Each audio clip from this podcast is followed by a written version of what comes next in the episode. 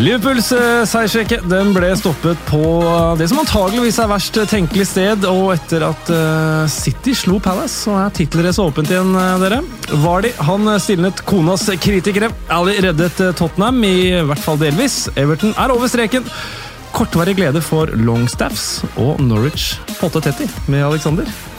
Og heldigvis så blir det mer enn uh, dårlige ordspill her. Uh, det er fordi jeg har med meg et uh, aldeles strålende panel.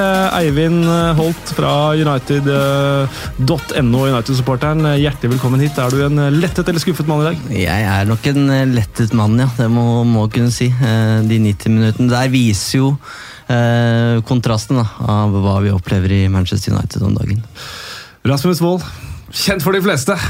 For, for nærmeste familie, i hvert fall. ja, og venner av denne poden, og venner av You Never Talk Alone, og venner av eh, alt annet uh, gøy du driver med. Eh, du er jo først og fremst et herlig menneske og en Liverpool-supporter. så er du letta eller skuffa i dag?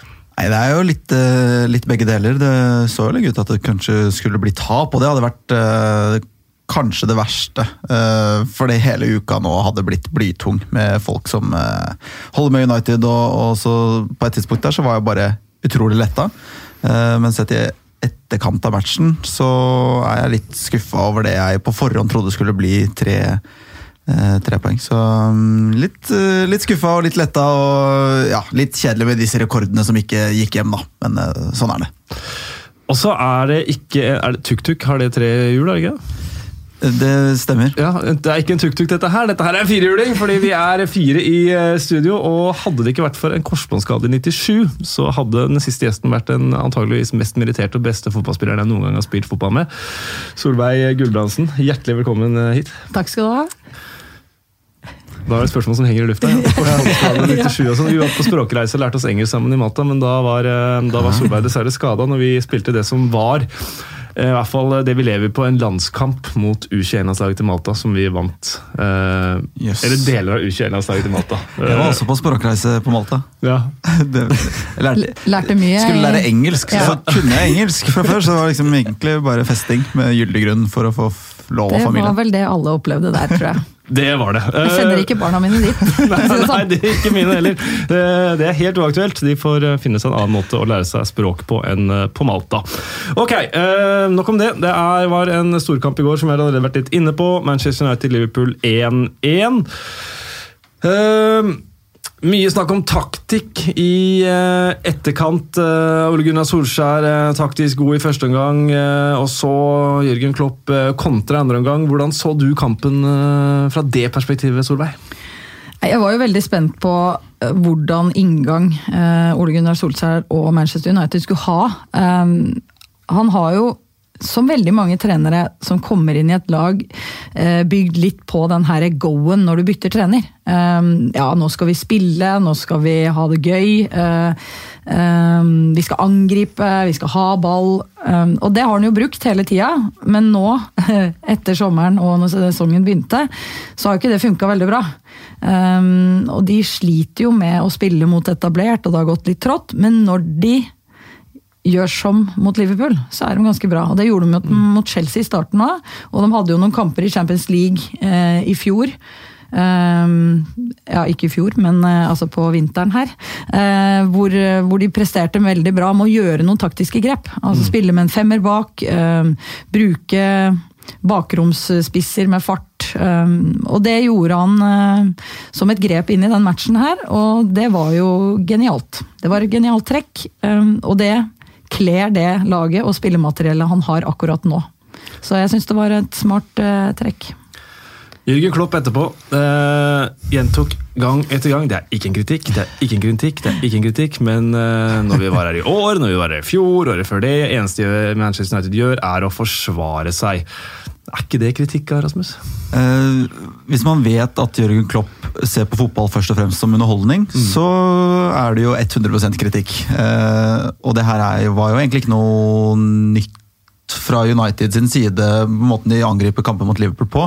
Eh, samtidig så er jeg helt enig med Solveig at det her var en eh, taktisk eh, ja, man skal si genistrek er kanskje litt vel, men, men fordi de legger seg jo dypt på hjemmebane i et rivaliserende oppgjør. Men det han gjorde med de wingbackene og, og tre midtstoppere osv. som gjør at han fikk tatt Liverpool der Liverpool har svakheter. da, for De har jo veldig offensive backer, og man frykter kanskje de når man møter dem og tenker at man skal legge seg dypt for å hindre dem, men, men det å angripe bak dem igjen syns jeg var et veldig bra trekk. Og så eh, syns jeg samtidig at man jeg vet ikke hvordan det er som United-supporter, så, så, så, er jo kvaliteten på lagene så stor akkurat nå at man kan egentlig ikke klandre Solskjær for å gjøre noe annet, fordi han gjorde det som gjorde at United hadde størst sjanse for å få poeng, og det så lenge ut til at de kom til å få alle tre. Så Sånn sett så var jo det helt uh, riktig, men uh, samtidig så, så, er jeg litt enig med Jørgen Klopp at det her må jo være litt bismak i munnen også, at man skal være såpass defensiv på hjemmebane mot Liverpool. da. Ja. Ja, for Eivind, eh, Christian Ofte Arntzen skriver på Twitter fallitterklæring av Ole Gunnar Solskjær legge seg med åtte mann i blokka på hjemmebane i den viktigste kampen i kalenderen for å klamre seg til uavgjort? Ja, jeg, tror, tror vi bare må kalle en spade for en spade. da. United ligger jo eh, 15 poeng bak Liverpool allerede. Eh, og det som har skjedd der det siste året, har på en måte Jeg tror det er litt i ferd med å sette sine spor. Um, og det var Én ting er den taktiske inngangen på, på, kampen, men det var en energi da, og en uh, kollektiv rytme i det laget som man bare ikke har sett. Uh, og, og, og, det tror jeg er det viktigste man må ta med seg. da, eh, Og for Ole Gunnar Solskjær Det poenget betyr egentlig veldig lite for United på tabellen. Eh, de er fortsatt nærmere championship enn Champions League. Men for han så var det en utrolig seier. Eh, for selv om det har vært mange rapporter nå om at han sitter trygt, og det er et langsiktig prosjekt, han skal få tid, så, så har det vært et spørsmålstegn ved kapasiteten til Solskjær og det at han melder seg på i den kampen her mot Jørgen Klopp, som har 17 seire på rad, det er et pluss. Og så kan man diskutere måten det gjøres på og sånn, eh, men jeg syns ikke heller Liverpool var eh, veldig gode. Jeg tror ikke Klopp er kjempefornøyd med det han fikk se av laget sitt. Og før avspark der, så, så må jeg si at når Sala var ute, så tenkte jeg at det er nesten syns jeg er verre for Liverpool enn Pogba, at Pogba var ute for United. Mm. Og Det syns jeg altså du ser i kampen. Um, det burde bli enklere for United å konsentrere seg om Mané, som er den største trusselen der, istedenfor at man må, må, forsvare seg på begge, begge, kantene. Så en kjempeseier for Solskjær, og så kan man uh, på en måte si at det ikke var helt i Det var ikke the United way som man snakker om, uh, men de tillot heller ikke Liverpool å være gode. Og dette har han jo også gjort før mot PSG og, og Tottenham, blant annet. så mm så det er egentlig det man tar med seg, tror jeg, i Paul Trafford. da.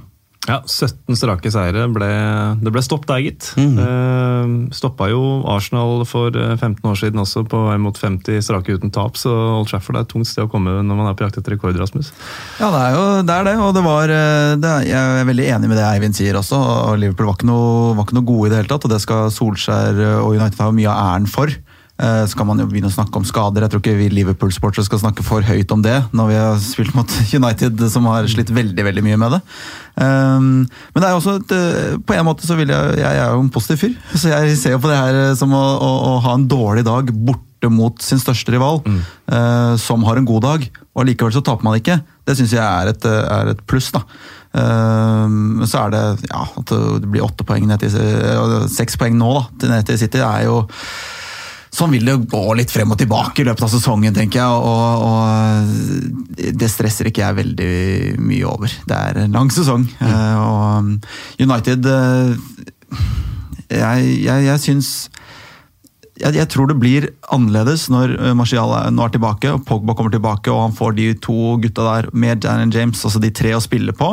Eh, samtidig så får jo ikke United noen flere svar da, eh, på hvordan de skal spille motetablert. Eh, fordi de, det er jo et Liverpool er et lag som United passer ganske godt mot, sånn som spillestilen er nå. da. Eh, Så vi fikk jo egentlig bare nok en bekreftelse på at ja, United er gode på eh, i sånne type kamper hvor de kan spille på den måten de gjør nå. Ligge lavt og, og bruke de James og Rashford som var fantastiske. Eh, Men samtidig så, så er jeg veldig spent på når de nå skal møte de neste lagene og, se hvordan de løser det. da, Om det blir en ny Newcastle eller om det blir noe bedre. Ja, Det er et veldig godt poeng. fordi jeg altså, Før kampen mot Liverpool så sa jeg det her er egentlig en bonuskamp. Fordi om United så taper 2-3-0 mot Liverpool, så er det ingen som kan slakte dem for det. Det er 19 andre lag i Premier League som også kunne tapt for, for eh, Liverpool. Så det i seg sjøl hadde ikke vært noe, noe krise. Det var egentlig alt å vinne, selv om det er et prestisjeoppgjør med mye i potten. Så er det nå om å gjenskape det her da, mot eh, Bournemouth og, og Norwich i de neste kampene. og Det er der United har slitt. Tapt mot eh, Crystal Palace på hjemmebane og tapte før landslagspausen mot, mot Newcastle. og Så får vi se om det her er et vendepunkt, men det er jo der utfordringa ligger. Mot Liverpool så får United rom til å kontre, og det er der de har, spesielt da på søndag med Daniel James og Marcus Rashford, det er der de har sin store styrke. Men det å angripe et lag som ligger kompakt og dypt, og gjerne tar ut Pogba som den kreative kraften, det er, det, det er der utfordringa ligger. Så får vi se nå om ja, den nye fembeckslinja er svaret, da. Men det er ikke sikkert det fungerer like godt med mot Norwich for eksempel, i, i neste runde. Kanskje Norwich faktisk, i og med at de spiller som de gjør, men uh, kan være Altså, verre. jeg, jeg, jeg, det gikk opp for meg mens du sa det også Norwich og Bournemouth. Å, det er faktisk to lag som det faktisk kan funke Ja, og det, det er null unnskyldninger. Holdt nullen i helga, begge to. da. Ja, det gjorde det. Og det, Det var litt mer, mer trøkk i United, synes jeg. I hvert fall i første omgang. Altså, duellkraft og, og det å sette fram kassa og vise at her er vi, og dette poenget eller disse poengene skal vi ha. Mm. Da syns jeg Liverpool var ganske passive og tamme. Eh, og, og Det var egentlig det som skuffa meg mest. at man er, Når det er en så stor match, eh, det har vært landslagspause, alle er sultefora, eh, man, man har vunnet, man kan ta alle rekorder, og så går man ut og så er man sånn passiv. og Det, det ble jeg litt sånn skuffa over for, som Liverpool-supporter. Men det er sånn, som spiller, da, så er det der en og spiller- og trenerperspektiv, så er det der en, en nøtt å knekke. Fordi det er så lett eh, å være det som skal, laget som skal ødelegge, hvis du selger inn konseptet til spillerne. Og du har riktig taktikk. Altså du setter opp, sånn som nå, satt eh, Ole Gunnar Solskjær opp folk riktige posisjoner for å ta ut eh, brikkene til Liverpool. Og da kan du gå og jage, og du kan løpe i de riktige romma. Og da får du treff på det. Og Fred og McTominay og Pereira altså de får liksom ut det de vil. da. Eh, Rashford og eh, får disse rommene han vil ha.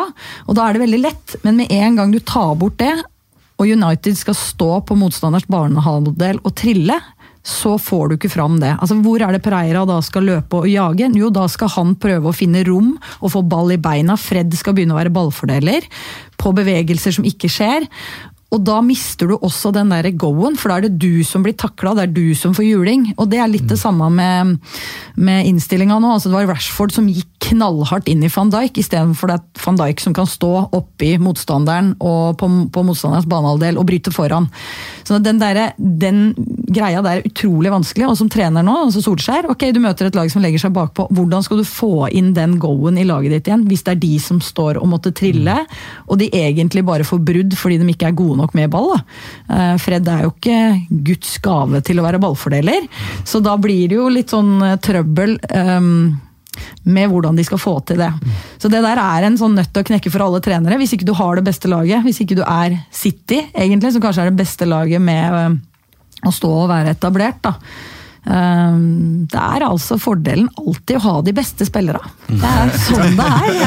Jeg, da løser alt seg, egentlig. Som du sier, Pereira vil altså også gi en liten, eh, litt skryt til. for En ting var jo at han eh, jobbet og, og var veldig god i den kampen, her, men eh, det, det virket som, for meg i hvert fall, så at det var et taktisk grep fra Solskjær også å legge ham ganske tett på Fabinho hele matchen. Ja. Så, så, og Det var jo noe eh, motstanderne ofte gjorde mot Chelsea og Jorginho, eh, spesielt i starten. Å ta ut han som skulle liksom eh, hva skal man si, dytte ballen videre fra forsvaret og, videre ut i vingene osv.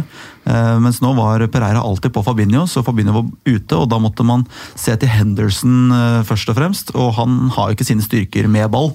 Så da ble det litt lite kreativt fremover, og, det tror jeg også var sånn bevisst grep fra Solskjær som, som funka veldig bra. Så blir det spennende å se om noen kopierer United, for det er det som ofte skjer når noen finner en sånn oppskrift mot, uh, mot et uh, uslåelig lag. Um, og det, En ting var Pereira, som var god i, i, i presset. Jeg tror det presspillet, ikke bare med Pereira, men også med wingbackene, som på en måte støta bra opp mot uh, Arnold og, Robertson, var viktig.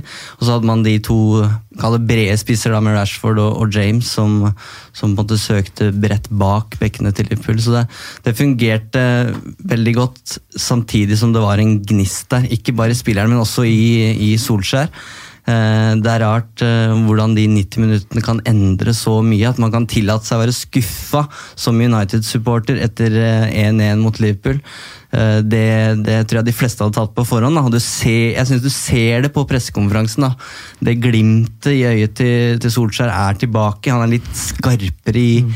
i uttalelsene sine. Så hvis de klarer å bygge videre på det, så kan man kanskje komme seg bort fra nedrykksstriden. Jeg tror det var ut utrolig viktig altså, at han gjorde noen grep taktisk. At han ikke gikk utpå der og gjorde det samme, for da har han stilna litt de kritikerne som lurer på om han har en plan. Mm. Um, og, og, så, ja, og, så, får han jo med seg spillerne til å trua på, på planen hans, uh, og at han gjorde noen grep. Og at de, de gjør et mottrekk da, mot motstanderen, ikke bare går ut på og sier at vi skal gjøre det United Way, og så er man ikke god nok til å gjøre det. Mm. mm.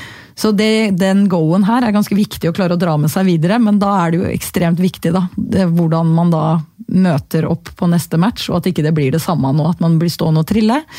Og og blir bare spist opp av motstanderen, og så får man ikke noe uttelling for det. For da er man egentlig bare tilbake til start. Mm. Så det er noen viktige, viktige matcher nå denne uka her for Solskjær.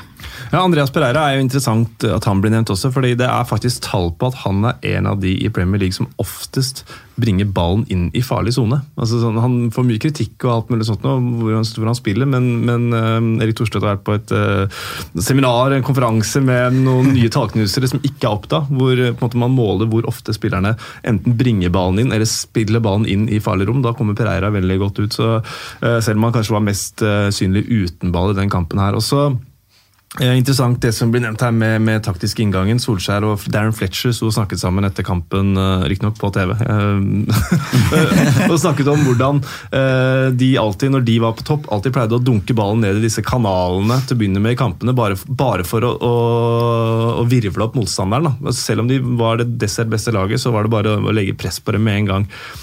Også gnisten nå blir mye for meg her, altså. Men uh, gnisten til Solskjær syns jeg er interessant. Uh, jeg var jo i Newcastle for uh, to uker siden, og det var jo et av bunnpunktene tenker jeg, for prosjektet til til Ole Gunnar Solskjær. Men jeg syns han var veldig rakrygga i intervjuene etter den kampen der jeg snakket med han, og da, da sa han liksom til, til presseansvarlig der at uh, det er ikke noe grunn til å gjemme seg her. Selvfølgelig skal jeg gjøre intervju med TV 2 også, så han sto rakrygga da.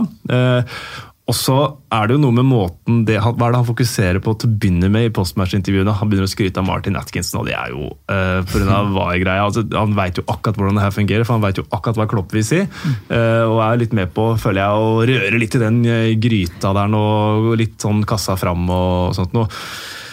Og så kommer vi ikke unna VAR her heller. Jeg uh, kan ta et uh, spørsmål fra Jakob Karlsson. Uh, eller, eller oppklaring, da. Mané, Det er på svensk, da, så jeg vet ikke hvor god, godt jeg leser det. men ok. Mané får bollen på armen, målet rett, bort, rett bortdømt, enlikt regelboken. Men hvorfor skal ikke da alle hands forsvarende lag i straffeområdet bli straff? Er ikke regelen til favør det forsvarende laget? Hands skal vel være hands. Og Der er det jo en oppklaring, sånn regelmessig kan du skjønte det, men uh, Alle Hensen kontra Manne Hensen? Ja. Det var skulder versus arm, var det ikke det? Ja, og, jo, og så er det, så er det hvis du sparker det ballen sjøl opp i egen hånd, så ja. er det ikke Altså Det er jo noen sånne ting. er det ikke ja, og så er det dette med det off, altså det, et, Ethvert mål som blir scora, mm hvis ballen treffer armen. Det er automatisk hens unintentional eller ikke. Så mm. Derfor er regelen sånn som den er, og derfor er det ikke nødvendigvis hens når ballen spretter opp i armen til en, nei, eller straffen når ballen spretter opp til en forsvarer. Mm. Der er reglene annerledes. Det her var jo lagd for å gjøre reglene klarere, men uh, skal ikke vi være noe dommer på om de har klart det eller ei. Men så har du selvfølgelig skåringen til Manchester United, hvor uh, det er en uh, forseelse mot Divok Origi. Uh, Ikke clear and obvious uh, ifølge VAR. Uh, veldig clear and obvious ifølge Jørgen Klopp, i hvert fall at det er en forseelse. Men ja, nå er vi her igjen, Eivind. Problemet her, syns jeg i hvert fall, er jo at mm, når, når, de reprisene går, så er jo ikke det folk snakker om foran TV-en og sannsynligvis da i VAR-bussen, er jo ikke om det er frispark eller ikke, men om dommeren har gjort en åpenbar feil. Mm.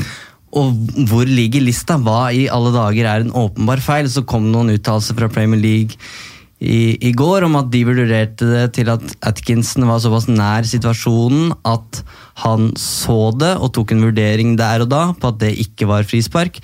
Ergo de gikk ikke inn og, og øh, overstyrte den avgjørelsen. Um, så Det er det som er problematisk, når man ikke skal vurdere lenger om det er frispark eller ikke, men om dommeren, hva dommeren egentlig har sett. Mm. Uh, og Da tenker jeg at steg én må være å bruke de skjermene som står på sidelinja der. Jeg ser på den situasjonen og tenker at det her er en dommerfeil og ikke en var-feil. Fordi mm. var, som du sier også, det er clear and obvious. Skal man mange Liverpool-sportere vil jo si at det er det. Klopp vil si det. Jeg mener jo i hvert fall at det er en feil. Om den er så mm. clear and obvious, det vet jeg ikke, men det, er, det, det skal være et frispark, syns jeg da, i hvert fall. Uh, uh, jeg er enig. Så ja, det er hyggelig, å, hyggelig, å, hyggelig å høre. Uh, men, men, så er det jo Om det er clear and obvious, det, der er jeg litt mer usikker. Jeg, jeg syns egentlig at det er det, hvis jeg må helle mot noen av de tingene. men så, så, så, det her er på en måte mer Her må dommeren få kritikk, som ikke har sett et nokså klart frispark. Mm. Uh, og så kan heller VAR forsvare seg med denne clear and obvious-paragrafen som de tyr til uh, veldig ofte. Men uh, litt bittert, og der og da så følte de jo som Liverpool-sport at alt går imot. og mm. Like etterpå så får man en scoring, og så er den nær hånda til Mané. og så er det sånn, ja, det, Du kjenner regelverket, du vet det skal Det er riktig at det annulleres, men det er samtidig så utrolig bittert hele veien. da. men, men hyggelig å høre at en United-supporter sier at det var frispark. Uh, og Samtidig så, så, må jeg også si at målet til Mané var jo klink annullering. Det er mm. ikke noe tvil om det. Takk. Solskjær, eh, Solskjær bare nei, nei, det er ikke noe frispark, det er ikke basketball. Det var hans uh, reaksjon. Ja. Så Men jeg tenker, altså Den kampen var jo Han la jo lista ganske høyt. Altså James var vel kanskje halvt uh, Eh, vet ikke, møtte jo veggen flere ganger der. Mm. Uh, og sånn Han la jo lista ekstremt høyt, så jeg vet ikke om altså sånn Situasjonen, hvordan han så det som dommer, var jo at det er nesten litt sånn overspilling i starten, før egentlig ja. den tråkkinga før foten faktisk treffer beina hans, og det er frispark. Så det er nok sikkert en sånn pakke på hvorfor han velger å la det gå. Samtidig jeg Origi han, han, er inne på uh, altså på, hva som si, på egen banehalvdel blir vel også feil. Uh, men jo, blir det ikke det? Nei, på, Nei, på, så vidt på Uniteds ja. banehalvdel. Ja. Altså det er langt fra uh, der til United skal skåre. Det er en veldig lang avstand, så går det jo selvfølgelig kjempefort da, i den kontringen. Mm. Men allikevel, så at han da ligger nede og, og, blir nede og har tydelige smerter og ser ikke hva som foregår rundt seg engang. Han legger seg ikke ned fordi han ser oi, nå blir det kontring eller et eller annet sånt. Han er jo tydeligvis blitt tatt, da. Mm. Som jeg også syns er sånn tegn som, man, som, dommeren kunne plukket opp på. Hvorfor skal han legge seg ned og, og gjøre det der, på en måte? Mm. Mm. Vi kan, eh, vi kan, kvittere ut denne kampen her med en stat fra Kristoffer Johansen, også kjent som Bojo-Chris på eh, Twitter. Fått sin eh, fortjente hyllest her tidligere, og har nå sagt, skrev i går at Rashford har nå ti non-penalty-mål, altså ti mål i åpent spill mot uh, Big Six, altså de store topp top seks-lagene, på en spilletid tilsvarende 23-90 minutter. I en tid hvor United har vært dårlige. Han har vært mellom 18 og 21 år og spilt under tre ulike managere. Det er brukbart av Marcus Rashford. Ja, Målet er uh, klasse, da. Vi har ikke snakka om det, men Daniel James hadde jo en enorm kamp i går, både offensivt og defensivt. Og for 15 millioner pund så syns jeg han allerede kan vise seg å være det beste kjøpet United har gjort siden uh, Ferguson og David Gill ga seg i 2013. Mm.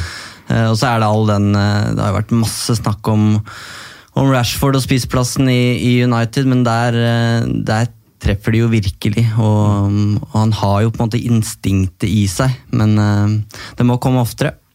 Det må komme oftere. Uh, Manchester City de knappa da inn to poeng med en 2-0-seier eh, i eh, London mot Crystal Palace. Der spilte Rodri og Fernandinho midtstoppere sammen. John Stones på benken. Det funka greit, Solveig? Ja, det gikk jo greit eh, denne gangen. Og det, sammenligning den forrige kampen, så var det jo litt krise. For at Otamendi sentra jo ballen til motstanderen. Eh, så, så, det skal jo ikke så mye til for at det faktisk fungerer nå. Eh, men det fungerte bedre.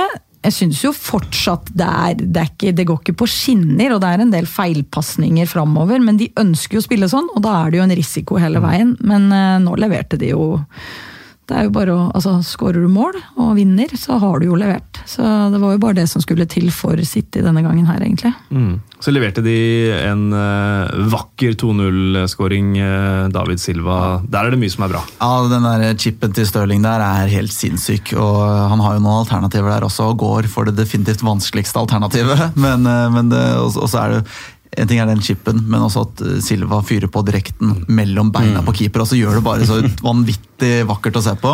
det er så kul den slowen, for ja. da ser du sånn hvordan han ser. Han følger ballen med øya hele veien. Da, der du prøver å forklare alle som skal lære å spille fotball, det er at ja, hvis du ta ballen i lufta, så må du se på ballen hele tida. Og der har du liksom klokkeeksempelet. Så var det en litt sånn bisarr melding fra Guardiola etter kampen. Hvor han sier at uh, City kan ikke vinne Champions League, for de skårer ikke nok mål. Og de er jo det laget som har skåra tre mål i snitt og skåra mest av alle lagene i, i, de største ligaene i, i, Europa. Men jeg skjønner litt hva han mener òg, fordi en 2-0-ledelse for City kan fort bli 5-6-8-0. Eh, mens det er ofte det første målet at de, de sliter på en måte med å, med å få, få, ballen i mål, rett og slett. At de er nødt til å være komfortable og gjerne være i ledelsen før, før de får de chipene da, til, mm. til Stirling. Og nå var det vel 93 sekunder eller noe sånt noe mellom de to måla. Så når de først skårer og får hull på bilen, så, så renner det jo inn. Men, eh, men, eh, det å få det første målet har de jo slitt litt, eh, litt med. Så det blir spennende å se hvor mange de ender opp med å score, da. Men Det hjelper jo heller ikke at Jesus ikke spiller Kevin De Bruyne på, på, lang kasse. Altså, det er noe av det mest absurde jeg har sett altså, ja. av, av, en profesjonell fotballspiller som spiller på Brasil og Manchester City. At han velger å fyre der istedenfor altså, det er man har ofte liksom tenkt sånn at du skulle spilt, og mange situasjoner vi har snakket om det, men, men der, der, er bare sånn, der skulle han jo spilt! Det er det mulig, og, ikke, og, han ser det, og han vet at han står der. Så det er liksom bare, hva, Hvor ego er det mulig å bli? Ja. Hva, hva, det, at det ble diskusjon mellom Salah og Mané. Det, det, hvis ikke det blir diskusjon mellom Jesus og De Bruyne her, så skjønner jeg ingenting. Hvor mange ganger har ikke De Bruyne servert eh, Jesus? Akkurat det. Ja, det kunne blitt tatt på VAR, den, for den er clear and obvious. Den er til eh, Gabriel Jesus. Men samme Jesus han gjorde sitt 50. Eh, mål for Manchester City med en stupheading. Og Solveig, du som har spilt uh, fotball og helt sikkert stupheada i mål også. Eh, jeg, bare, jeg er også stupheada i mål, altså, bare så det er, jo, men, ja, på heving 2 i gutte 13. Og det skal man ikke uh, stikke under en stol. At det er en stor prestasjon, Rasmus. Det var det. Uh, utvilsomt. Men på en stupheadingsskala, den der han kaster seg fram og så header han i lengste hjørnet. Jeg tenker sånn sju av ti, åtte av ti på en stupheadingsskala. Hva tenker du? Ja, altså Det er jo en prestasjon, eh, det er jo ikke noe tvil om det. Og, men jeg har jo ofte en regel at du alltid skal nikke ballen tilbake der den kommer fra. Ja. For det er jo liksom det safeste, så ikke den sklir av panna. Eh, for det er alltid veldig Jeg syns alltid det ser så dumt ut. Altså Når du prøver å nikke, og så skal du vri huet tilbake, og så går den bare av. Men her gjør han jo Han utfører jo dette perfekt. Mm. Så, og da er det jo bare egentlig, som du sier, det er bare å sette den på skalaen og si at det er en åtte-ni ja, av en tier. For det, ja. når du scorer sånn, så er det en, en, en ut... Altså det er jo en prestasjon å klare å fly i lufta, ligge der og klare å få den ballen andre veien. Ja, for jeg tenker Henrik Larsson var det i EM 2004 eller noe, det er ti av ti. Jeg vet ikke om jeg husker den? Nei. Nei, Sjekk den på YouTube, folkens. Jeg har den frist i minne. Da Han flyr, han er Supermann. Liksom, flyr eh, sikkert 20 meter, og så bare stanger han inn i mål. Eh, for meg så er det ti av ti. Bedre sånn, enn van Bersi. Uh, ja, jo, na, nå, det er et godt poeng. Er det skåringa mot Spania der? Ja, ja. Begge de to er ti av ti. Uh, for det er mer kraft i uh, Henrik Larsson sin. Det er litt sånn forskjellig. ok. Crystal Palace de ligger fortsatt på sjetteplass. Det skal vi ikke glemme. Eh, men ingen poeng eh, her. Og Wilfried Saha gjorde seg mest bemerket med å lage det som burde vært et straffe mot Kevin De Brøne. Eh, snakket om VAR, den er også clear and obvious, ble ikke tatt. Og så sier B. Helgevik har ikke noe større navn enn det på Twitter, så vi får gå for det. Noen ord om Ederson. Nok en fantastisk kamp for City. Noen ord? Mm. Ja. Jeg så på, eh, jeg så, fikk ikke sett matchen, jeg så bare highlights, og det var nok i den der highlight-reelen på TV 2 Ja. til å se at det, han gjorde en, en veldig god match. og Han blir jo også forbanna på slutten der, når han må ut og, og gjøre en fantomredning. Fordi han skal holde den nullen, eh, og det begynner å bli eh, en liten stund siden de har gjort også, så nå går det litt stolthet hos disse keeperne, tror jeg. Spesielt bakover hos City. så eh, liksom Fint å se at han blir litt forbanna og at det går litt stolthet i det. og Selv om han leder med to mål og det nærmer seg slutten, så har han allikevel det i seg. Men han er jo fantastisk keeper. Det er utrolig trist for han at Alison eh, på samme tid spiller på samme landslag også, for hvis ikke så kunne han ha endt opp med sikkert eh, 200 landskamper. altså. Ja, Det er ikke bare bare å prestere som keeper bak et litt sånn rullerende forsvar. Altså han, Det bytter jo folk eh, hvem han spiller med og hvor de spiller i posisjoner. Og, og den der samhandling mellom keeper og forsvar er utrolig viktig. Altså, du, du lærer deg til å kjenne hvem som pleier å blokke på hvilken side. altså at du, De sperrer hvilket hjørne. altså Du har kommunikasjon på hvilke situasjoner du kommer opp i. Og nå er det jo nye folk. og ja, Otamendi velger jo ikke å blokke, han velger jo å prøve å takle. Eh, og så har du, altså, så Det er jo forskjellige situasjoner hele tiden. Og det at han da står fram der, eh, er jo ekstremt viktig for City. Han er en viktig spiller der nå. Leicester de er oppe på tredjeplass nå. Snudde 0-1 til 2-1 hjemme mot eh, Burnley. Eh, før kampen så var det markering eh, for Kon Vishai Sri Vadapanabra, som mistet livet 27.10 uh, i fjor etter uh, helikopterstyrten. Så det her var den eh, hjemmekampen nærmest datoen, og da var det en markering før, og det var en markering i det 60. spilleminutt for alderen eh, han eh, så tragisk ikke kom lenger. Stolen hans sto tom ved siden av sønnen, og um, Brennan Rogers sa etterpå at andreomgangen den var i Kun Vishais spirit. Aldri gi opp, kjempe, slå tilbake. Eh, Chris Wood skåret målet til eh, Burnley. Burnley-fansen de sang til Jamie Vardy 'Your wife is a grass'.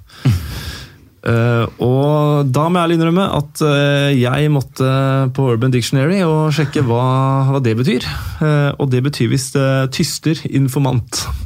Eh, det spiller da på Rebekka Vardy som all, eh, er anklaget for å ha lekket Colleen Rooneys private Instagram-kontoer.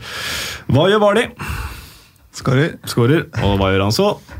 Fingeren løper over halve banen for å markere overfor Burnley-fansen at uh, 'jeg har hørt dere, men ser dere nå?' Og så vinner til slutt uh, Leicester etter scoring av uh, Tilemanns. Leicester ser bra ut. Ja, det, det er jo helt utrolig. øh, Nesten undervurdert også det å komme tilbake fra å ligge under mot et lag som Burnley. Da. Det er jo en kjempeprestasjon. og Uh, Leicester er for meg uh, en veldig het kandidat til å, til å kanskje til og med bryte seg inn i Champions League, men i hvert fall uh, havne topp seks. Jeg tror de har veldig god mulighet til å gjøre det. Veldig bra stall. Førstelaget er bra. Rogers er en veldig god manager som eh, man nest, dessverre husker for den siste sesongen hans i, i Liverpool. Men uh, og hent, uh, henta spillere som Lambert og Balotelli og det ene med det andre. Men eh, at han er en god manager er det ingen tvil om, og nå har han også fått, eh, fått et ordentlig bra lag som, som eh, eh, fra før av alltid har vært veldig gode på kontringer og overganger, mens, mens Rogers kan også tilføre dette med å spille mot etablert da, og, og litt mer ballbesittende. Så den miksen der tror jeg blir veldig skummel, eh, kanskje spesielt for Uniteds del eh, også denne sesongen. her. Ja, det er langt opp til de på tredjeplass nå. Eh, og det at de tar en opps, oppskriftsmessig seier mot Burnley, da, det tenker jeg er et eller at man kaller det en oppskriftsmessig seier, det er et eh, kvalitetstegn. Eh, og så er det det er så mange spennende og forskjellige spillere i den troppen, og jeg tror Paul Trafford så snakkes det mye om James Madison, og det er liksom neste transfer target. Men jeg tror også han Jori Tielmanns kunne vært en veldig god erstatter for eh, Paul Pogba. Gått rett inn i Premier League, tatt nivået, leverer uke inn og uke ut. og de spillerne der, de- midtbanespillerne der, de vokser ikke på trær, så jeg tror han eh, også kunne vært en forsterkning for flere andre lag etter hvert. Det er ganske mange de egentlig kunne ha henta der. Ja, ja. Det er jeg helt enig i. kunne kanskje hatt Vardi, Vardy, og Ja. du kunne hatt altså Det er jo veldig mange. Og hvis, du ser igjen, ja, hvis du ser gjennom det laget, altså både bekkene er bra, og, og stoppeparet altså Evans, med, altså litt rutine der ved siden av Soyunshi, som har jo virkelig gjort tingene sine bra.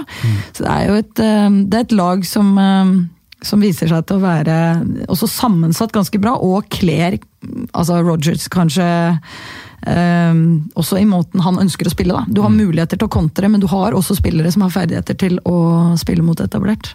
Ja, for Manchester United skal jeg ha vært gjennom 804 høyrebekker før de fant ut at de skulle gå for Aaron Van Bissaka. Da regner jeg med at Ricardo Pereira var ganske høyt opp på den lista, for, eh, for han er også veldig bra. Sean Dyche han eh, er ikke fremmed for å klage litt, han. Eh, Han startet med å si at han var kjempefan av VAR. Ja. Big fan of VAR. Eh, Men de må begynne å bruke monitoren og sånn. Og så går han igjen. Det her handler om en annullert scoring, jeg vet ikke om dere så den, hvor eh, Chris Wood eh, er borti Johnny Evans som faller. Det Daesh sitt argument er at hvis du gjør det der med vilje, så ser du et lite blikk fra den som utfører det. Du ser at Chris Wood vil titte ned eller noe. Han gjør ikke det i det hele tatt. Men spiller det noen rolle? Hvis han er borti han, så er det en forseelse.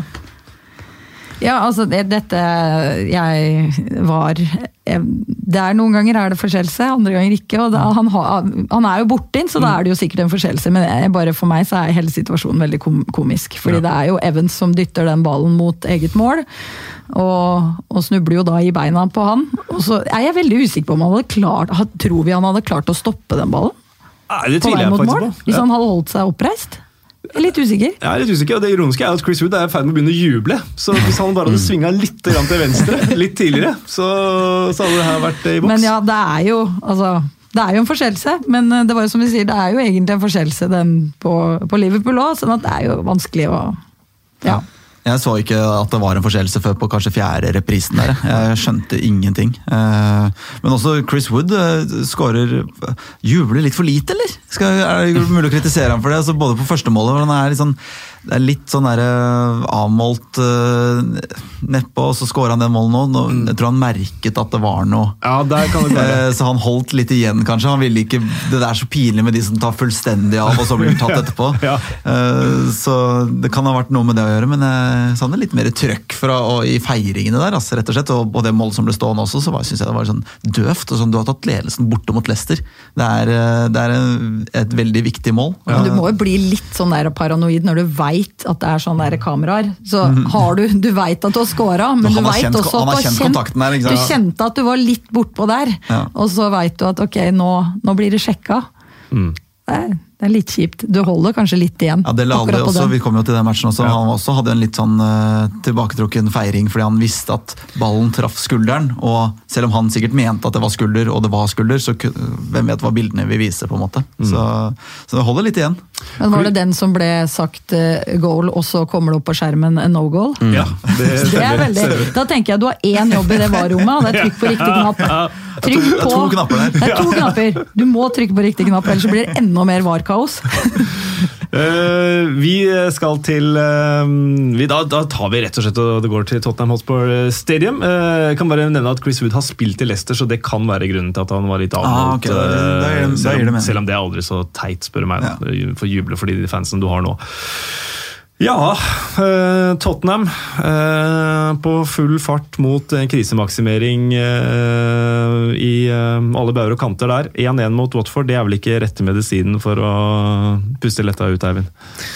Nei, jeg bare så litt på statistikken, og det virker som at det er defensivt. At det er der Tottenham sliter. De skaper egentlig like mye som det har gjort tidligere, men, eh, men de slipper inn langt mer. Jeg tror det er én clean sheet eh, denne sesongen. Og Det er noe med Fertongen, Aldeverelt, Danny Rose som ikke er helt sånn 2019-2020-sesongen eh, for min del, i hvert fall. De har vært med lenge og vært solide, men, men det er et eller annet der som ikke stemmer. Ikke, på høyrebekk så er det jo Serge Aurier som, som spiller, og Walker Peters har vært inne. og litt sånt nå, så det virker som at de, de har mer enn nok å jobbe med. Altså også Harry Kane har eh, sånn expected goals på 0,17 uh, i løpet av de siste kampene. og det er utrolig lavt, mindre enn Danny Welbeck f.eks.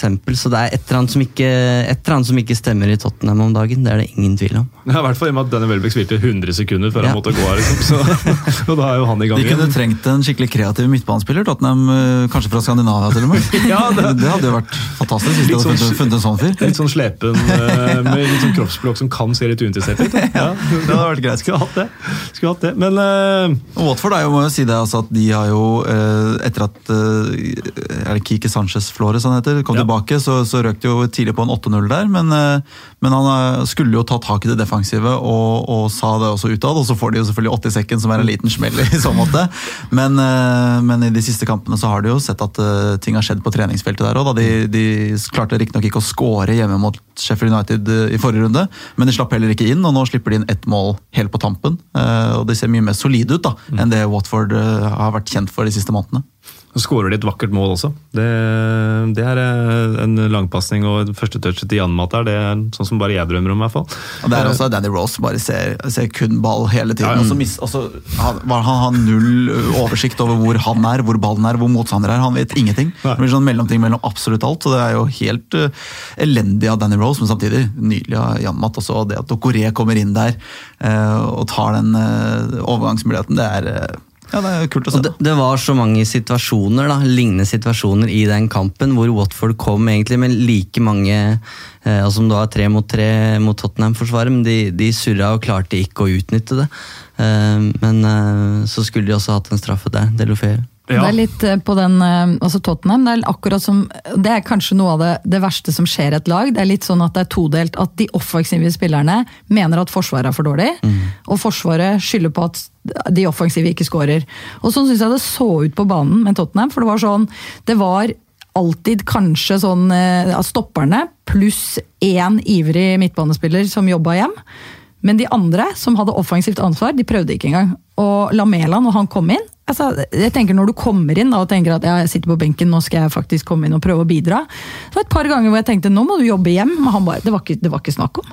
Ja, det, Han ga det ikke. De trenger Diego Simione, de gutta der. eh, Rett og slett, Sånn Ja, du kan er- se det altså, det klippet fra se- Atletico ja. Madrid som fyker hjemover. Ja, det er moro! Få inn det klippet, bare vise det klippet i garderoben før hver eneste Ja. match, så kanskje det skjer noe. De ser ikke på ball igjen, de bare beiner de ser bare dø, egen dørlinje og bare løper hjem. Og vi må jo snakke om VAR i denne kampen her, og det er Ja, jo ja. kanskje den eh, klareste VAR-feilen for meg denne runden her. Det er, eh, jeg, jeg, skjønte ingenting da, det ikke ble straffe. Jeg skjønte ikke Skal han si ja, Fartongen prøver å blokke, han prøver jo ikke å ta mann her. Eh, og Delufeu er jo litt lur også, holde igjen og, og vet jo at Fartongen kommer der. Men det er jo klink, liksom. Det er, det, for meg så er det 100 Jeg altså syns nesten det er straffe selv om han ikke løfter foten på slutten og prøver å takle. Så syns jeg nesten det er straffe. Fordi han er ikke i nærheten av å ta ballen, og han hindrer spilleren i å kunne løpe der du vil og sette ned foten. Altså, jeg synes liksom det er straffe, men når du i tillegg på slutten der har sklidd, du skjønner du ikke klarer det, så prøv, må du allikevel prøve å takle og ta fot. Altså, jeg, jeg, fatter ikke hvordan de kan si at det ikke er en feil. Nei, også, det, reaksjonen til Delifé der også, så jeg bare Please! Please! Please! Det er sånn desperat. At han bare, hvorfor eh, blir ikke det her straffe? Nei, den, eh, det er, eh, det er to-tre straffer i løpet av et par sekunder der. Så veldig, veldig merkelig. Eh, Litt sånn kronologisk, da, før vi kommer til Alice utligning, så er det en situasjon i andre omgang på stillingen 0-1 hvor Delefeu kommer, slår 45 ut. Målet gaper, og der kommer Serge og blokkerer. Ja, Nydelig enorm. redning, men fett at han jubler etterpå. Så han bare Yes! Den hindra jeg. Ta den, dere. Det, det Han liker følger jo mannen sin 100% der. Han gjør oh, ja. jo Ja, den jobben som vi akkurat har snakket om at de kanskje ikke gjør ofte nok. Da, men virkelig Han en av de som full sprint. Mm. Full sprint, kaster seg foran for blokka i siste sekund, og det blir jo nesten mål allikevel. Men det er jo helt fantastisk forsvarsspill eh, av Sø- Sø- Sør-Aurier, kan jeg si. Ja, sør, Sør-Aurier. sør og. Eh, og eh, Grunnen til at Watford fortsatt står med ni strake uten seier, det er jo da skåringen til Dele Alli. Var litt inne på det, Rasmus. Den er vel eh, Ja, Kjedelig når du har gjort en så god match eh, bakover, og så er det en eh, mangel på kommunikasjon mellom Foster og er det jeg er litt usikker på hvilke forsvarsspillere det var. men, ja, Kiko, men fall, ja, Kiko Feminia, det er det helt riktig. Og Foster som egentlig bare skal ta ballen, men så, som, som bommer på å plukke ball. Men det er Kiko som header ballen rett altså, for, før han skal ta fange ballen. Ja. Så han blir jo fly forbanna på egen forsvarer. Han har sikkert ropt mer da, at han skal ja, sånn, eh, ut, men jeg er litt sånn usikker på egentlig hva Det er jo Han forsvarsspilleren er ikke så lett å flytte seg i den situasjonen du- heller. Det er litt sånn der Skal jeg bare Dukke? dukke her? Altså det, Det kommer en fyr er rett bak meg nå, ja. så jeg, jeg tror jeg skal jeg kommer, få litt kontakt med den ballen her likevel. Det er godt satt, da. Det Dele jeg når den eh, hopper og spretter der, og så får han satt den inn. Og er eh, Han har jo vært eh, missing in action lenge nå. Er, det, er han litt på gang igjen, Eivind? Sånn som du ser det? Ja, første målet siden januar, tror jeg. Mm. jeg- Jeg har faktisk etterlyst han lenge. Bare jeg har skjønt at han har slitt litt med skader og sånne ting. Men hvor mye bedre er Dele Alli i dag enn det han var da han slo gjennom for er det tre-fire år siden? Jeg er litt usikker. Eh, Så han har ikke helt tatt de stega som man kunne, kunne forvente, verken for Tottenham eller England, syns jeg. Så vi får se nå om han kommer i gang, men dette er jo et Tottenham-lag som har en lang vei å gå, så blir det spennende å se om det er med eller uten Pochettino. Eh, Jeg har egentlig venta på at Ali Eriksen eller Kane skal forsvinne, og at det kanskje ville være slutten på Pochettino-prosjektet. Men nå det, virker som det er i ferd med å falle litt sammen der, syns jeg. Altså, men jeg, jeg tror ikke det er noe som skjer før nyttår eller sånn umiddelbart, men at det her kan være begynnelsen på slutten, det, det tror jeg. Everton. eh, der var det i ferd med å bli slutten til Marco Silva. Men eh, fire strake uten Fire strake tap, var det vel? Fire strake uten seier. Eh, det endra seg mot Westham. Hvor uh, Gylfi Sigurdsson var eh, vraka og Richarlison var tilbake på topp. Og skåringen til Bernard, der er det nok mange på Goodison som river seg greit i håret et par sekunder før de sitter, tenker jeg. Nei, jeg gjorde det sjøl. Jeg bare I alle dager. Det er ikke rart du ikke scorer mål, liksom.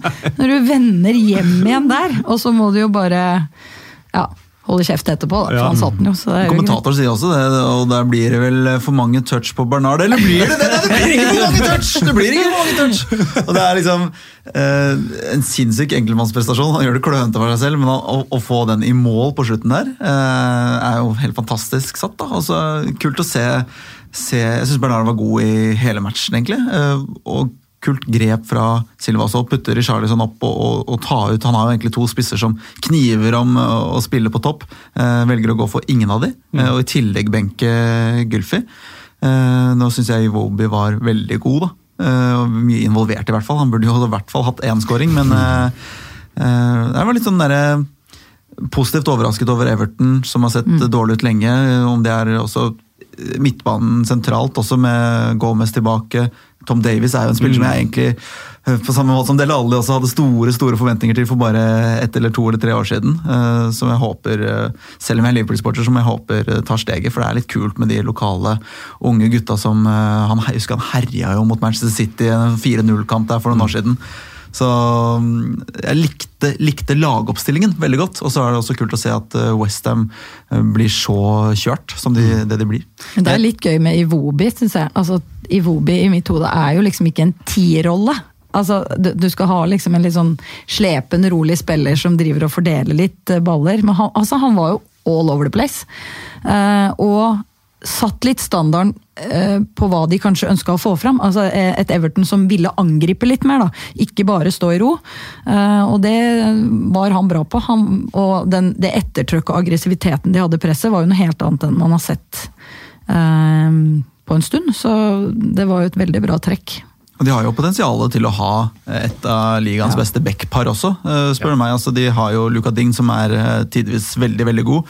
CDB har jo vært veldig veldig god før. Eh, slitt litt med skade, men jo, har jo vært eh, i den franske landslagstroppen flere ganger. så var god nå. ja, han var veldig god. Og, og hvis han får satt de to franskmennene på bekkene der, og de fortsetter å levere, så, så er jo det på en måte litt sånn lestersk. eh, ut fra jeg, sånn som jeg ser på det Everton-laget. Mm. Jeg tror Silva fort redda jobben her. Mm. han, han sto med fire strake tap. Og med tap mot, eh, hjemme mot Westham så tror jeg han kunne ryke i. Og det er litt sånn Everton-syndrom, syns jeg. At man har, man har på en måte et spennende prosjekt, men så er det svake resultater. Både med Koman og med Roberto Martinez før det, så syns jeg det var trenden. Og det syns jeg har gjort seg gjeldende også nå med, med Silva. Da. Man har eh, et veldig godt utgangspunkt. Eh, Men så får man på en måte ikke ut potensialet. Da. Så det her var jo en veldig viktig seier for Silva. Hvis ikke så hadde nok David Moyes stått klar. Tror jeg. Så det er peak Gylfi Sigurdsson, den skåringa. Ja, fantastisk. Han er vel typ tredje touchdowns på ballen. Altså, han holdt jo på å skåre på sin første berøring også, Mm. på et uh, ganske decent skudd. Men uh, det er jo sånn der, jeg så noen på Twitter som skrev inn at det var noe, noe Beckham-aktig Ja. Mm. over det skuddet, og det er jeg litt enig i. Det var liksom bare uh, nytelse å se Mm. sånne mål. Sånne skudd. Skuddføtter. Ja. Vakkert fra Gylfi Sigurdsson. Eh, Vakkert syns de sikkert det er på Stamford Bridge også. Nå er det fem strake seier i alle turneringer for eh, Chelsea. Marcos Alonso, matchvinner i en kamp de styrte fra start eh, til slutt. Dubravka var strålende og hadde kanonfeiring. Rett før han slapp inn mål. Det er alltid litt tungt, antageligvis, å se på høydepunktene etterpå.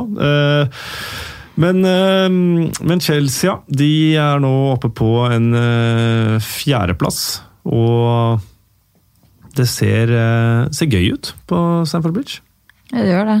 Det, er, det starta jo litt ja, med tapet mot United i starten der, men at de var veldig offensive og unge og skulle liksom bare framover, så ble man litt sånn usikker på om denne planen fungerte. Så har man fått tilbake Kanté, William, noen litt eldre spillere. Kanskje litt mer kontroll i forsvaret igjen. Eh, og så ser det egentlig bare veldig bra ut. Fordi i en sånn kamp her hvor du møter et lag altså hvor Manchester United ikke klarte å bryte ned et Newcastle, så klarer de det. Um, uh, og det, det viser jo at du har kvalitet. Um, det er jo interessant den forvandlinga som, har, eh, som Chelsea har vært igjennom. Fra Mourinho-kontefotballen til Sarri og, og Lampard nå. Og det er jo noe som det snakkes mye om i United. at man, eh, Da van Gaal var ferdig, så sånn, måtte man liksom banke van Gaal-fotballen ut av spillerne. Da. De skulle ikke lenger slå eh, korte pasninger på tvers, det skulle gå framover osv. Eh, men Chelsea og også Brighton synes jeg er eksempler på at du trenger ikke flere år på å på en måte endre retning og spille en annen type fotball. Det kan du gjøre egentlig med Nå er det mange nye spillere i, i Chelsea, da, men Marcus Alonso er en av de som har vært med på, på hele, vei, hele veien her. Eh, Så det syns jeg er imponerende, og måten de har på en måte fra dag én under Frank Lampard på en måte klart å spille den fotballen som han, han vil, det, det er imponerende. Mm. Ja. Gode trenere er jo veldig flinke på felt. Altså Hvis du er tydelig på felt, så er det ekstremt mye, mye du kan påvirke. Altså på kort tid, hvis du treffer de riktige knappene. Men da må du jo også ha denne lederegenskapen, at du får med deg folk til å ha trua på det du driver med. Da. Men hvis du da har riktig øvelse på felt hvor du får ut de tinga som du ønsker i kamp, så er det ekstremt mye du kan påvirke en spillergruppe. Så det, det viser jo at Lampard har mye av de egenskapene. Så det blir jo spennende Ja, han- å følge, følge dem videre nå. Nå får han jo fram et nytt uh, stjerneskudd hver eneste måned. Nå er det vel, nå var det som Mason Mount og Tammy Abraham eh, som var heitest. Nå er det uh, Hudson Odoi som definitivt var Chelseas beste spiller mot, uh, mot Newcastle, så det er imponerende.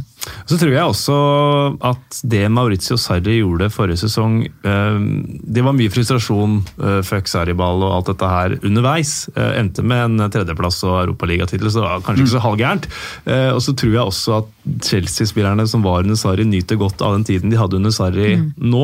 Vi har vært vant til å spille hurtig langs bakken, og alt mellom sånt, og så kommer Frank Lampard inn, justerer litt, tweaker litt. og jeg synes Jorginho er et veldig godt eksempel på det. Ble jo på mange måter litt sånn hylla til å begynne med under Sarri, for det, ok, tok, han tok med seg dirigenten sin. Og så ble det han som var alt feil, for alt skulle gå gjennom han, og når motstanderne tok ut Jorginho, så tok de ut eh, Chelsea. Eh, og så var jeg spent på hvordan vil han passe inn i Frank Lampards måte å spille fotball på, men han synes jeg har justert seg veldig bra og vist hvilken god fotballspiller han er. og Selv om han ikke dikterer og er like sentral som han skulle være under Sarri, så, så er han en meget viktig eh, brikke i det maskineriet der, altså. Med sin rutine og, og kvalitet. Ja, det er jo viktig å ha en sånn som jeg sier da, Midtbanespiller og en stopper er ofte Den defensive midtbanespilleren og stopperen er jo ofte litt sånn limet og hjernen i laget. Hvis du mangler liksom den smartnessen der, og, og den som, som kan både ballfordele, men også ligge riktig og styre de andre spillerne rundt seg, det er en veldig viktig rolle. Så selv om du ikke ser den spilleren så mye, så er den ofte viktig. Så hadde vel Pulisic en god opplevelse nå, og det har han jo trengt. Har vel bare starta tre, tre, kamper, og det syns jeg er ganske mm. overraskende, selv om han kom fra Bundesliga og inn i ny klubb og ny liga og alt det der, men eh, han blei jo på en måte stempla som en Hazard-erstatter og kosta mange millioner, så det at han ikke har spilt en større rolle i det laget, har vært litt overraskende mm. for meg, men det kan jo hende han får flere sjanser nå. Eh, ellers så nevnte jo du, eh, Rasmus, blokken i stad til Aurier, men blokken til Jedlin ja, der på ja. Abraham. Den er enda villere. Er, eh, det, er, det, er, vel eh, en av ukas redninger. I hvert fall Rundens blokk, hvis ja. det er en kåring. Ja, det, det kan det være. Det ser jo, Abraham ser jo overraska ut. Han tror jo ikke det skal komme noen. Ja. Altså, det er jo han bare, Hvor kom han fra, liksom? Ja. de holder jo nullen også uten Kanté, som er styrketegn. da, som man har tenkt at nå Når Kanté kommer tilbake og holder seg skadefri over en lengre periode, at det blir enklere, men nå holder de den uten. og Jeg syns jo Chelsea, selv om de har det er veldig mye fokus på, på unggutta og disse talentene Hudson og Doy, Mason Mount, Tam Abraham som har kommet fram. Som selvfølgelig er kjempespennende, og ting, og ting klaffer. Eh, så, så, har de også en, en, ganske bred stall. Kanskje litt bredere enn man tror. da. Altså Når du kan sette inn på Kovacic, f.eks. At han ikke er god nok for å starte. Uh, på Chelseas midtbane syns jeg er jo et enormt kvalitetstegn. Jeg syns han er egentlig en veldig veldig god spiller. Uh, at Ross Barkley får starte før, det skjønner jeg ikke. Uh, han kan ha en god match i ny og ne, og han har sine kvaliteter, men, men, for meg så er det stor forskjell på de to fotballspillerne. Mm. Men, uh, men uh, ja, det er spennende. Giroud, jeg vet ikke hvor, hvor happy han er. og i hvert fall ikke Bachuay. Også. De har jo bredde på topp, selv om ikke det er noen soleklare førstevalg i verdenstoppen. Så, så er jo det gode spillere som, som ikke svekker lagene nevneverdig hvis de må til pers. da. Mm. Så det er jo bra når de skal ta med Champions League, og, og, det blir mye kamper utover.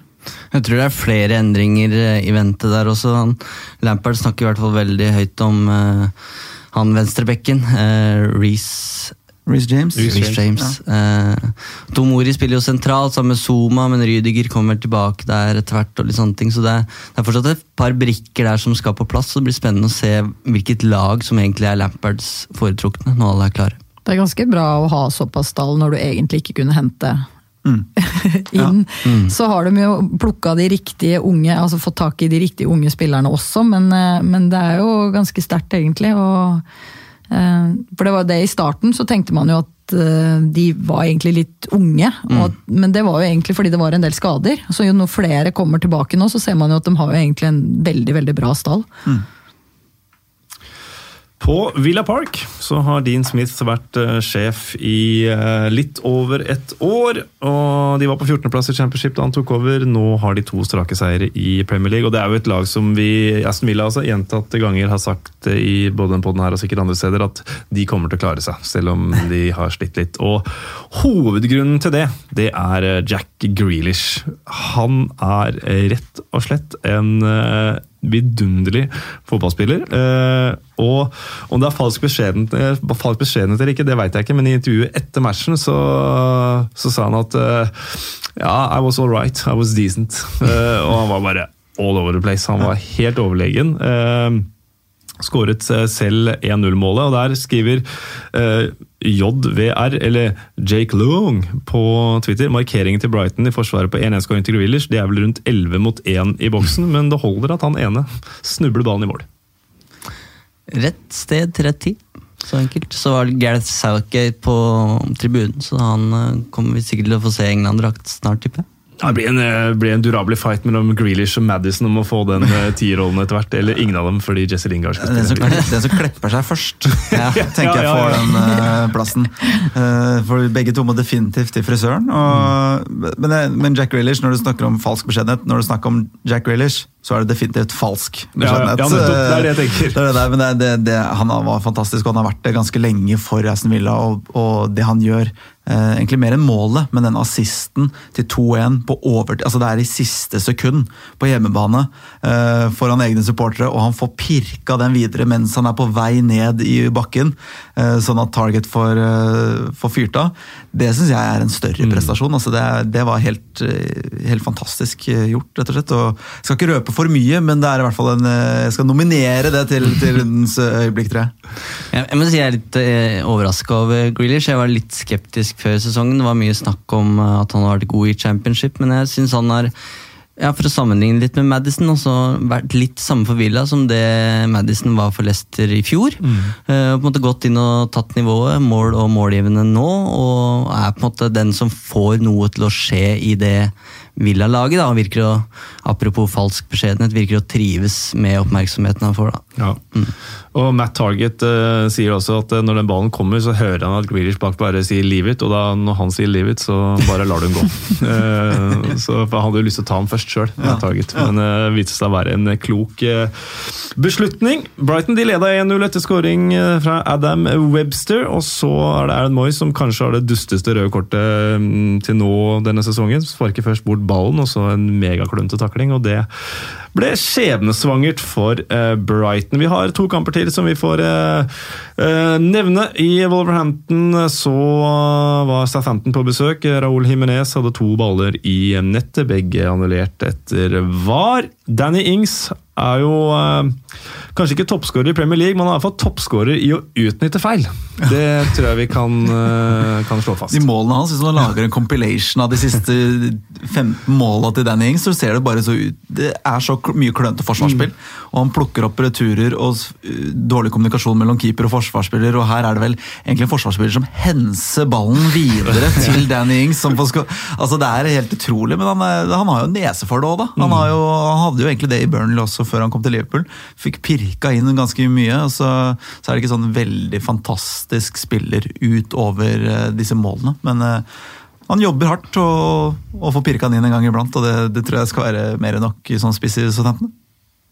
Det bør det være. Uh, han kom seg på skåringslista til slutt etter et uh, straffespark. 1-1 endte det på Molyneux. Så må jeg bare si, Han hadde jo kunne hatt hat trick. Han hadde jo tre baller i nettet der. Mm. Og for meg så er Det der er kanskje verste eksempelet. Det er ikke den groveste Det var kanskje ikke feil heller, men uh, det at man kan ta avspark, og så viser dommeren VAR-tegnet, da har det gått for langt. Ja. Det, såpass lenge kan det ikke gå. Jeg er enig. En uh, målløs kamp i runden, og da havner den på bunnen i vår gjennomgang. Bournemouth-Norwich uh, 0-0. Det var de to eneste dagene som ikke hadde holdt nullen før denne runden. det, Og da måtte det jo selvfølgelig ende målløst på Vitality. kun tre avslutninger på mål.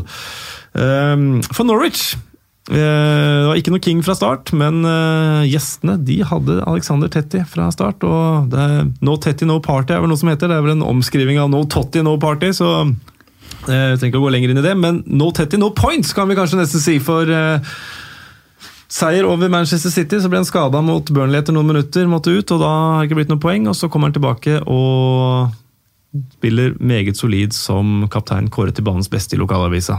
Takk, Kasper. Den kom derfra. så Alexander Tetti eh, er en viktig brikke for Så var vel makkeren også midtbanespiller, er han ikke det?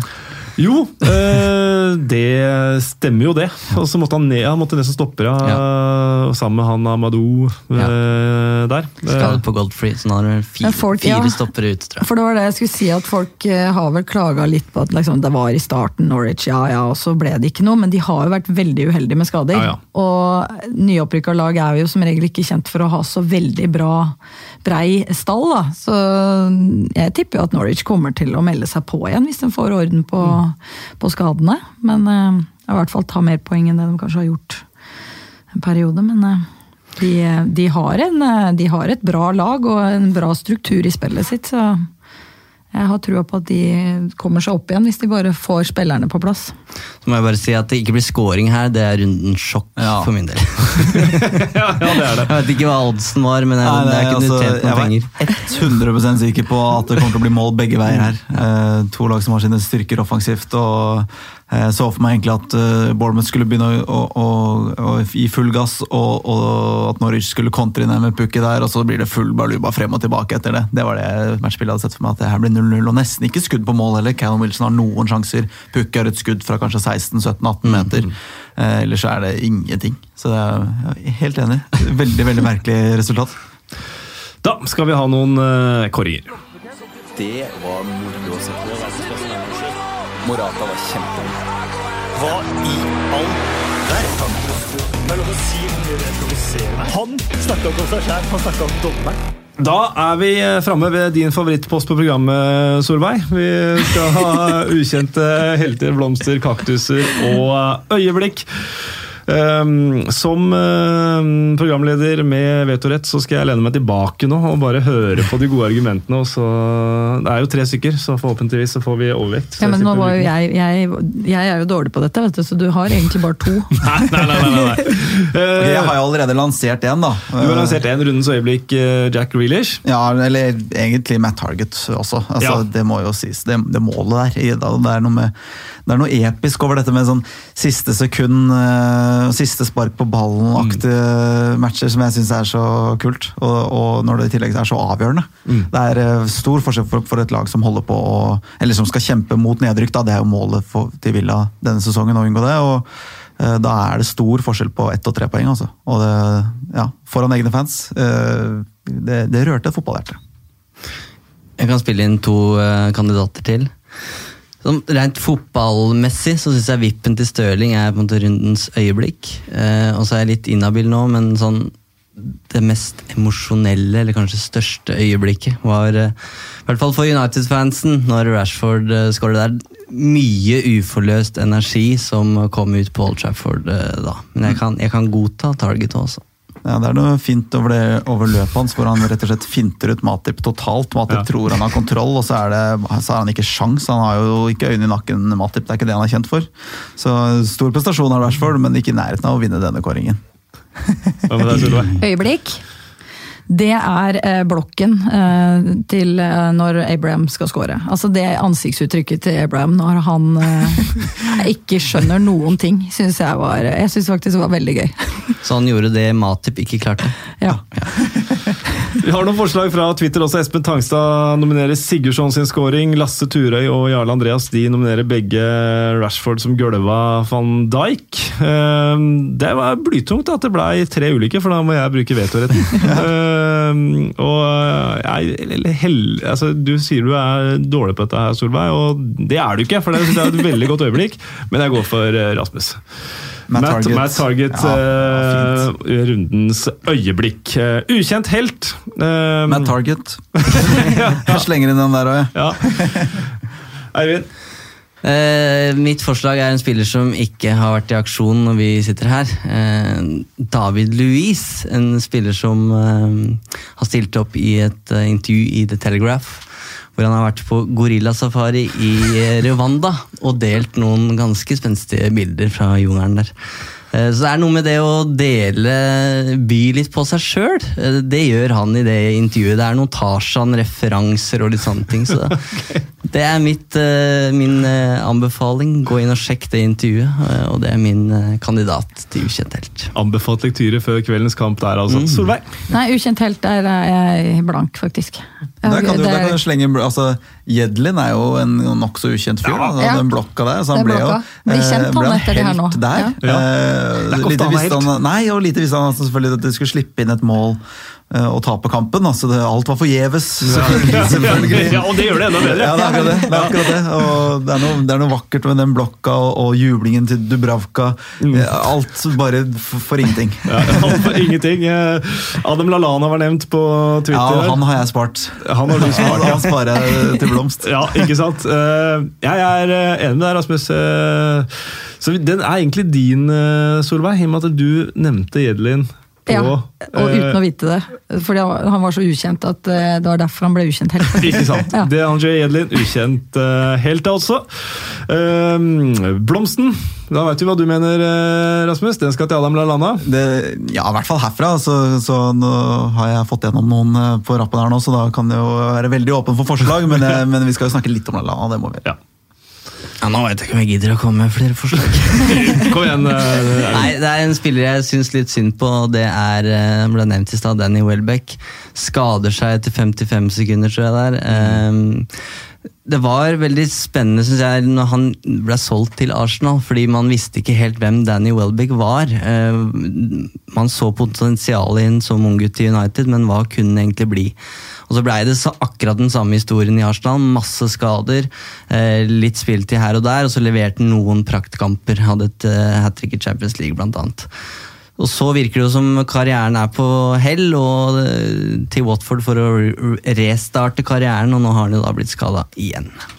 Så det er en typisk, et typisk Welbeck-øyeblikk, det der. En sykeblomst, rett og slett. Ja, Så han får en uh, blomst på syk seng. Jeg, jeg må jo sende en blomst i retning uh, Lalana. Uh, og for de som har hørt på You Never Talk Alone da jeg holdt på med det, og som følger meg på Twitter, vet at det er min absolutte favorittspiller. Det er han jeg har eh, to, to drakter av. Ja, altså, og og da, og med det mener jeg jo ikke at han, han er verdens beste spiller, at han, eller at han skal gå rett inn i et Liverpool-lag, men, men kult å se at at Klopp setter inn han som nummer to når det jager mål. Han har tillit til han, han har hatt mye skader. Han var en, en stor Klopp-favoritt før han eh, ble skada, og det glemmer man jo litt. Når folk har vært ute lenge, så glemmer man ofte eh, Enten så blir de veldig mye bedre enn en, en det de egentlig var, eller så blir de veldig mye dårligere enn det de egentlig var. og Han er en veldig fleksibel spiller som gir full gass eh, hele tiden. I tillegg til å jobbe steinhardt og kunne bekle mange posisjoner og være fleksibel, så er han også en slepen tekniker som ikke klarer å ta imot en pasning uten å Cruyff-finte bort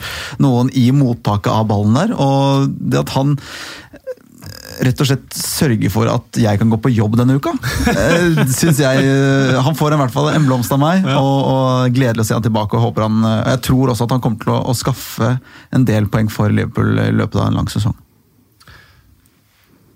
Jeg skal gi blomst til Klopp. Du skal gi blomst til Klopp, ja? Ja, Ja. fordi eh, han har eh, fått så veldig mye sånn positivt i, i media i det siste, fordi at han ler, og han er så blid, og han svarer så bra til pressen og media, og har vært så jovial og ålreit. Men eh, den første omgangen, eh, på sidelinja, altså Maken til grinebitter og sur og klaging eh, skal du lete lenge etter. Han var bortpå han fjerdedommeren eh, tror jeg sånn cirka hvert minutt. Han gikk fram og tilbake og prøvde å liksom få forståelse for hvorfor den skåringa blei. og var litt tilbake til det man ser når trenere faktisk ikke bare har flyt. da. Eh, men da tenker jeg at når du da klarer faktisk å få laget ditt, og allikevel holde huet kaldt, og klarer å få laget ditt til å prestere, og hente opp og ligge under, og at du ser alle klager. Alle mente at dommeren var imot dem. eh, Og du kan påvirke laget ditt til å miste det litt, da. Hvis du hele tiden er sånn som trener. Så jeg gir han en blomst for å faktisk klare å holde huet såpass kaldt etter hvert at han gjør de riktige grepa for å bytte ut eh, Henderson og sette inn en som faktisk er litt mer kantspiller og gjøre noen grep. da. Så han får faktisk en blomst. Litt for også at han viser at han er litt menneskelig, han og at han ikke bare, det bare er flyt. Han får dele den med John Moss, da.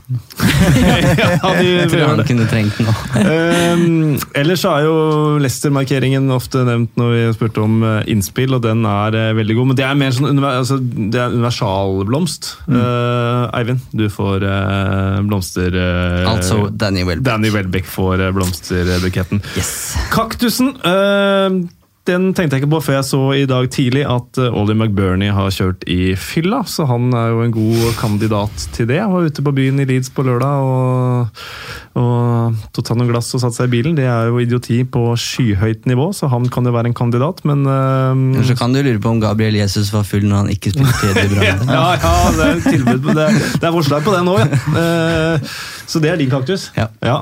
Solveig? Kaktus er til han som trykka på feil knapp i varerommet. Ja, ja, han altså det, han, kunne, han eller hun kunne fått blomst av meg, men det er kaktus, for det er to knapper. Ja. Eh, Du bør klare det. Jeg har uh, Aaron Moy, jeg, eh, som, som blir skjelvig i et par sekunder der. Eh, Ja. Både i sveis og i takling bakfra når du har gult kort og det er midt på banen. Så er det bare sånn, Hva er det du har trent hele livet for? Hva er det du har, gjort, hva er det du har lært i løpet av din karriere til nå? Det er, det det er totalt hodemist. Eh, og, og jeg støtter også egentlig Jesus, som ikke sentrer uh, for, Ja, altså det, er, det, blir for, det blir for dumt på det nivået, rett og slett. Så, så jeg er helt med på å gi den til, eh, til Gabby. Han var nok eh, smule utilregnelig i det gjerningsøyeblikket der. eh, Godeste Gabriel Jesus. Da må vi eh, ende opp med en, eh, sende en kaktus. Og, altså, VAR er jo alltid forslaget på kaktus av alle hele tiden. Eh, og du kunne sikkert fått kaktus hver uke, men eh, Kan en stor kaktus på slutten av sesongen. ja, altså, men det er jo en ukjent kaktushelt som sitter og trykker feil knapp. Det syns jeg er fet. Altså. Så jeg tror vi sender den i retning Stockley Park der. Eh, vi er straks ved veis ende, men før vi er det, eh, så må vi ta opp en eh, liten, ta, liten sak. Odin Haugdal Øye skriver følgende på Twitter. Har ikke med PL å gjøre, men viktig sak. Blomst, Haringey Borough, som sto opp mot rasisme og forlot banen under rundens FA-cupkvalifisering. Kaktus, motstanderfansen som spyttet, kastet flasker og ropte etter Haringey-keeperen. Det som altså har skjedd, er at det er en fjerde runde kvalifiseringskamp mellom Yeovil og Haringey Borough. Hvor Haringey Borough uh, valgte å forlate banen etter uh, gjentatt hets mot uh, keeper og rasisme mot eh, både keeper og flere spillere. Og Konteksten her er jo alvorlig, for eh, de aller fleste har sikkert fått med seg hva som skjedde i Bulgaria da det engelske landslaget ble um, rashetset på det groveste. Så bet jeg meg merke det Gareth Southgate sa etter kampen. eh, og det her funker best på engelsk, så jeg får prøve å lese så godt jeg kan. Eh, dette sa Southgate. Sadly, because of their experience in our own country, they are hardened to racism. I don't know what that says about our society, but that's reality. It actually saddens me, so they are actually in the dressing room smiling because they've played so well. Og her er vel Gareth Southgate inne på noe viktig. Det er grusomt, eh, det som skjedde i Bulgaria, men det er ikke et isolert østeuropeisk problem. Ehm, og manageren til uh, Tom Lussou, tok uh, laget av banen. Og sa følgende They've all seen racist abuse on TV. They've all heard what goes on, but to actually be subjected to it by people standing 10-15 feet away, they've never had that type of experience. I had a look uh, at their faces. They were distraught, so I took them off.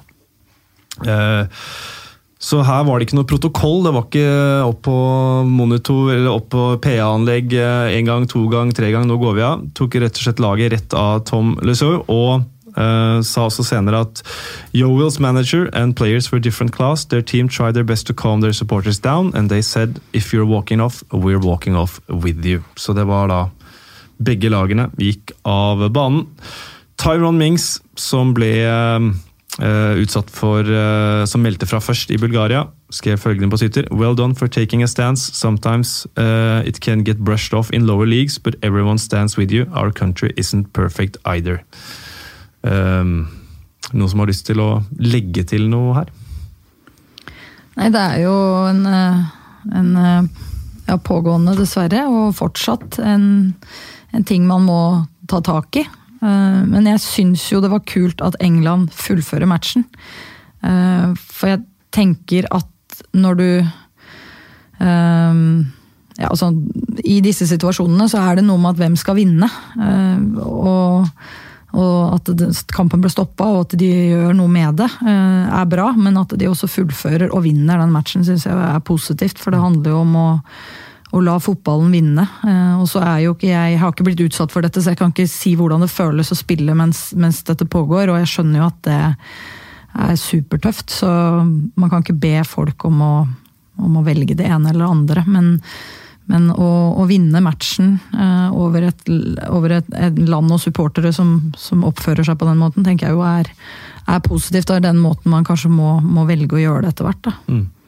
Det er jo ikke eh, noe, noe som du sier heller, noe, noe særegent eh, østeuropeisk. Selv om det skjer veldig mye der, så er det jo også i Italia et kjempestort problem. Og det skjer jo nesten ukentlig, har jeg inntrykk av. Jeg leser jo saker og hører på podkaster om at det skjer hele tida. Og det eh, vitner jo om at det kanskje ikke tas drastisk nok grep, da. Eh, I form av poengtrekk eller å, å, å hva skal man si, diske noen fra en, en neste EM- eller VM-kvalifisering eller sånne ting, og gi det ordentlig brutale konsekvenser, på samme måte som utøvere kan få for, for, for bli tatt til doping da, i en idrett, så blir de utestengt i, i lang, lang tid. Eh, og selvfølgelig er jo det eh, en gedigen nedtur for, for spillere på det landslaget som ikke har gjort noe. Det er jo mange som selvfølgelig ikke har ytret seg rasistisk også, som det her går utover. Mm. men sånn som jeg ser det, så jeg klarer på en måte ikke å se noen annen løsning enn å, å, å gjøre noe såpass brutalt da, og, og drastisk. Fordi det blir ikke bedre. Og da må dessverre noen uskyldige eh, bulgarske spillere eller hva det måtte være, eh, lide litt for det. For at man skal klare å vekke en hel nasjon, en hel, et stadion av supportere som, som oppfører seg sånn. Det er helt, det er helt Pluss at det bør kanskje være eh, straffbart.